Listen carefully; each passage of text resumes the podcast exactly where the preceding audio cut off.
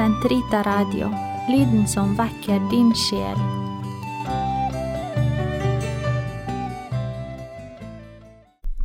Karmels hage sesong to episode seks Den store soningsdagen I denne episoden av Karmels hage skal vi fortsette med å snakke om offer. Vi har i det første programmet om dette temaet, gjennom Edith Stein som menneske, fått noe kontakt med de jødiske røttene til offerteologien, særlig da hennes forståelse av offerdyrets stedfortredende oppgave ved det hun skriver om å ta opp og bære det korset som er lagt på hennes folk, for hennes folk.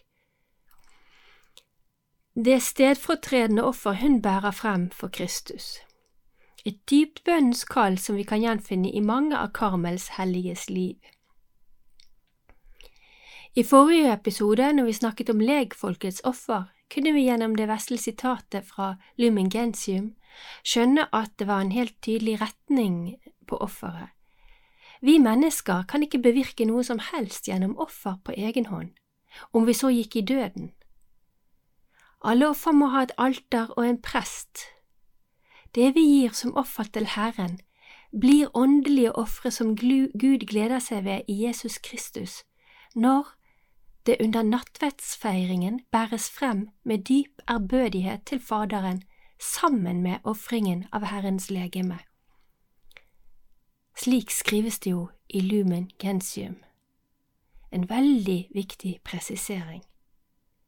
Alt vi som mennesker kan gjøre, peker altså hen mot eukaristiens offerhandling. Det betyr ikke at vi til enhver tid må befinne oss i kirken, men Jesus Kristus, gjennom troen og i ordet og i vår munn og i vårt hjerte, er det anker hvorved alt vi gjør, er bundet fast. Det er Jesus Kristus som gir liv til alle våre gjerninger, døde som de kan være uten Hans store kjærlighet. Så blir våre offer ikke egentlig noe som vi gir på egen hånd, men en kroppens bønn som vi bærer frem for Jesus og ber ham om å ta imot og forvandle etter sitt behag. Når vi i dag skal gå videre og se litt på den gammeltestamentlige opphavet til offeret, er det kanskje noen som spør seg, men holder det ikke at vi går til messe og forener oss med Jesus, må alt være så komplisert? Og da må jeg jo bare svare, men vi har jo lagt ut på dypet nå. Vi skal prøve å bli bedre kjent med den Jesus Kristus som vi elsker. Er det ikke naturlig at vi hører på hele historien til den vi elsker, hvordan dette mennesket, ja, den Gud vi elsker, gjennom hva han er, bærer med seg hele Guds historie med sine barn, sitt folk. Derfor må vi kjenne hele Bibelen om vi vil kjenne Jesus. Vi skal aldri bli ferdige med å kjenne vår Jesus Kristus stadig dypere, gjennom ordet, gjennom bønn og i livet. I den vesle boken I din munn og i ditt hjerte skriver broder Wilfrid Stinelsen følgende om forholdet mellom Det gamle og Det nye testamentet. Han skriver I Johannesevangeliet sier Jesus, Dere gransker Skriftene fordi dere mener at dere har evig liv i dem, og nettopp de vitner om meg. Johannes 5, 30. Alt som sies i Det gamle testamentet, er et hemmelighetsfullt og skjult vitnesbyrd om Jesus. Han sier videre, Hadde dere trodd Moses, hadde dere også trodd meg, for jeg, for det er om meg han har skrevet. Johannes 5, 46 Den som søker Gud på ærlig vis, vil måtte innse at alt det som Det gamle testamentet sikter til, blir fullbyrdet i Jesus og vil etter hvert også kjenne Jesus igjen overalt i Det gamle testamentet. Og dette er skrevet i din munn og i ditt hjerte på side 29. I vår sammenheng, offerteologien, er det derfor av avgjørende betydning at vi kjenner til Tredje Moseboks instrukser for soningsdagen. Den ene dagen i året da øverstepresten gikk inn i det aller helligste for, gjennom dyreofring, å sone syndene til seg, sitt hus og sitt folk. Det var altså denne dagen Edith Stein ble født på i 1849. Du kan lese hele beretningen om dette i Tredje Moseboks kapittel 16. Jeg trekker ut i dag kun et par elementer fra denne. Det dreier seg om de instrukser Aron får fra Gud i forbindelse med den store soningsdagen. Vi begynner med vers 3 i kapittel 16. Dette skal Aron ha med seg når han går inn i helligdommen, en ung okse til syndoffer og en vær til brennoffer. Han skal kle seg i en hellig kjortel av lin, dekke kroppen med bukser av lin, spenne et linbelte om livet og ta på seg en turban av lin. Dette er de hellige klærne. Han skal vaske kroppen med vann før han tar dem på seg. Fra Israels menighet skal han ta to geitebukker til syndoffer og en hver til brennoffer. Aron skal føre frem den oksen som er syndoffer for ham selv, og gjøre soning for seg og sitt hus. Så skal han ta de to bukkene og stille dem frem for Herrens ansikt, i inngangen til telthelligdommen. Aron skal kaste lodd om bukkene, ett lodd for Herren og ett for Asasel. Den bukken som loddet for Herren faller på, skal Aron føre frem og lage til som syndoffer. Men den bukken som loddet for Asasel faller på, skal stilles levende frem for Herrens ansikt. Ved den skal det gjøres soning når den sendes ut i ørkenen til Asasel. Aron skal føre frem sin egen syndofferokse og gjøre soning for seg og sitt hus. Han skal slakte syndofferoksen sin. Så kan vi lese videre i vers 15. Deretter skal han slakte den syndofferbukken som er for folket og bære blodet innenfor forhenget. Han skal gjøre med blodet som han gjorde med blodet av oksen, skvette det på soningsstedet og foran soningsstedet. Han skal gjøre soning for helligdommen, på grunn av israelittenes urenhet, lovbruddene og alle syndene deres. Videre i vers 18 står det så skal han gå til alteret som står for Herrens ansikt, og gjøre soning for det. Han skal ta litt av okseblodet og litt av bukkeblodet og stryke det rundt på alterhornene. Sju ganger skal han skvette noe av blodet på alteret med fingrene, rense det for israelittenes urenhet og gjøre det hellig. Når Aron har fullført soningen for det hellige stedet, telthelligdommen og alteret, skal han føre frem den levende bukken, legge begge hendene på hodet til bukken og bekjenne over den hele israelittenes skyld, alle lovbruddene og syndene deres. Han skal legge dem på hodet til bukken. Så skal han la en mann som står ferdig, sende den ut i ørkenen. Bukken skal bære alle deres synder ut i villmarken bukken skal sendes ut i ørkenen. Ja, dette var jo jødenes største helligdag, og vi leser videre fra Tredje Mosebok kapittel 23 om hvor viktig og hvor hellig denne dagen var. Herren sa til Moses, Merk dere den tiende dagen i den sjuende måneden, soningsdagen det skal være en hellig samling for dere, og dere skal ydmyke dere og bære frem gaver for til Herren. Den dagen må dere ikke gjøre noe arbeid, for det er soningsdag. Da skal det gjøres soning for dere, for Herren deres Guds ansikt. Hver den som ikke ydmyker seg den dagen, skal støtes ut fra folket sitt, og hver den som gjør noe arbeid den dagen, vil jeg utrydde av folket. Dere skal ikke gjøre noe arbeid. Dette skal være en evig forskrift for dere gjennom alle slekter, hvor, hvor dere enn bor. En sabbat, en hviledag, skal det være for dere, og dere skal ydmyke dere fra kvelden den niende dagen i måneden. Fra den kvelden til den neste skal dere holde hviledag. Det var altså på disse instruksene at Edith Steins mor Augusta tilbrakte hver eneste jom kippur i synagogen nesten hele dagen, og hvor de verken smakte vått eller tørt, hele familien. Edith Stein fastet også denne dagen hele sitt liv, også i den perioden hun var ateist. Det er alltid litt krevende når man kommer til mosebøkene og instrukser og ritualer ramses opp.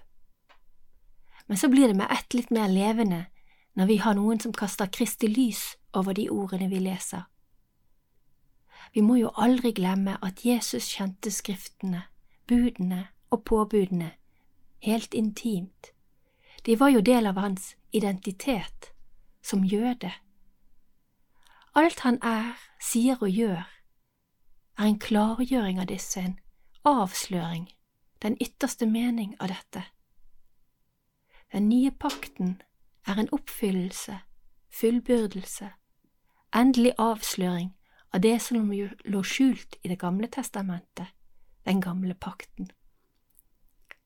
Slik er alt kontinuitet, men også et radikalt brudd. Stinisen forklarer. Guds folk er ikke lenger begrenset til én eneste gruppe. Guds nærvær er ikke lenger lokalisert til ett bestemt sted, møteteltet eller tempelet.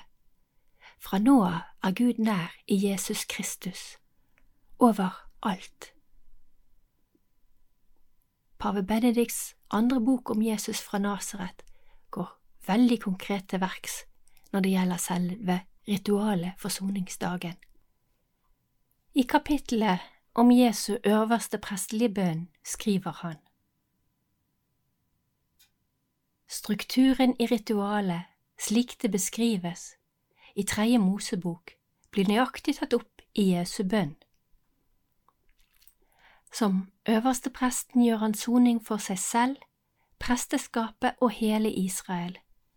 Slik ber også Jesus for seg selv for apostlene og for alle dem som gjennom Hans ord kommer til tro på ham, for Kirken til alle tider, jf. Johannes 17, 20.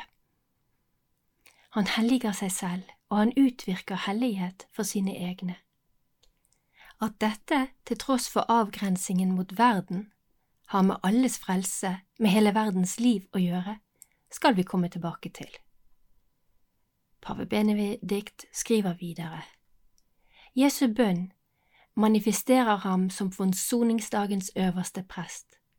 Hans kors og hans opphøyelse er verdens forsoningsdag, hvor verdenshistorien i sin helhet finner sin mening til tross for all menneskelig skyld og ødeleggelse, og hvor den igjen rettes inn mot sitt egentlige mål og sin hensikt.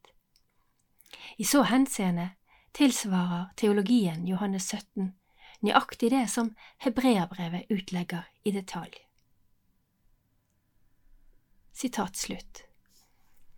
For de av dere som virkelig ønsker å trenge inn i hvor dypt og inderlig Jesus avslører sin endelige gave til menneskeheten, er det selvsagt mye å velge mellom av skrifter. Ikke glem å lese hebreabrevet i sin helhet. Pave Benedikts bøker er også en uvurderlig skatt, ja, om jeg bare skulle eie tre bøker om Jesus utenom Bibelen, så tror jeg at jeg ville valgt dem. Men i dag vil jeg presentere for dere også en annen bok som går dypt inn i eukaristiens jødiske røtter. Det er Brad Pitts bok Dette er mitt legeme, som kom ut på St. Olav forlag i 2019. Jeg avslutter denne episoden av Karmels hage med å lese Scott Hans forord til denne boken. Forord av Scott Han Nå, 2000 år etter Jesu korsfestelse, virker det naturlig for oss å betrakte den som en offerhandling. Kristne har en lang tradisjon for å omtale den slik, be slik og tenke slik. Men jøder i det første århundret, de som var øyevitner til hendelsen, ville ikke, kun, ville ikke og kunne ikke ha sett korsfestelsen som offerhandling. Den inneholdt ingenting av det som kjennetegnet antikkens offer. På Golgata var det ikke noe alter, ingen godkjent prest. Det var riktignok et dødsfall, men det fant ikke sted i tempelet, jødedommens eneste gyldige offersted, ikke engang innenfor murene til Den hellige by. Apostelen Paulus viste imidlertid sammenhengen for sin egen generasjon særlig for dem som var jøder som han selv. I første Korinterbrev, etter å ha nevnt korset i 1.18, kaller han Kristus for påskelammet som er slaktet.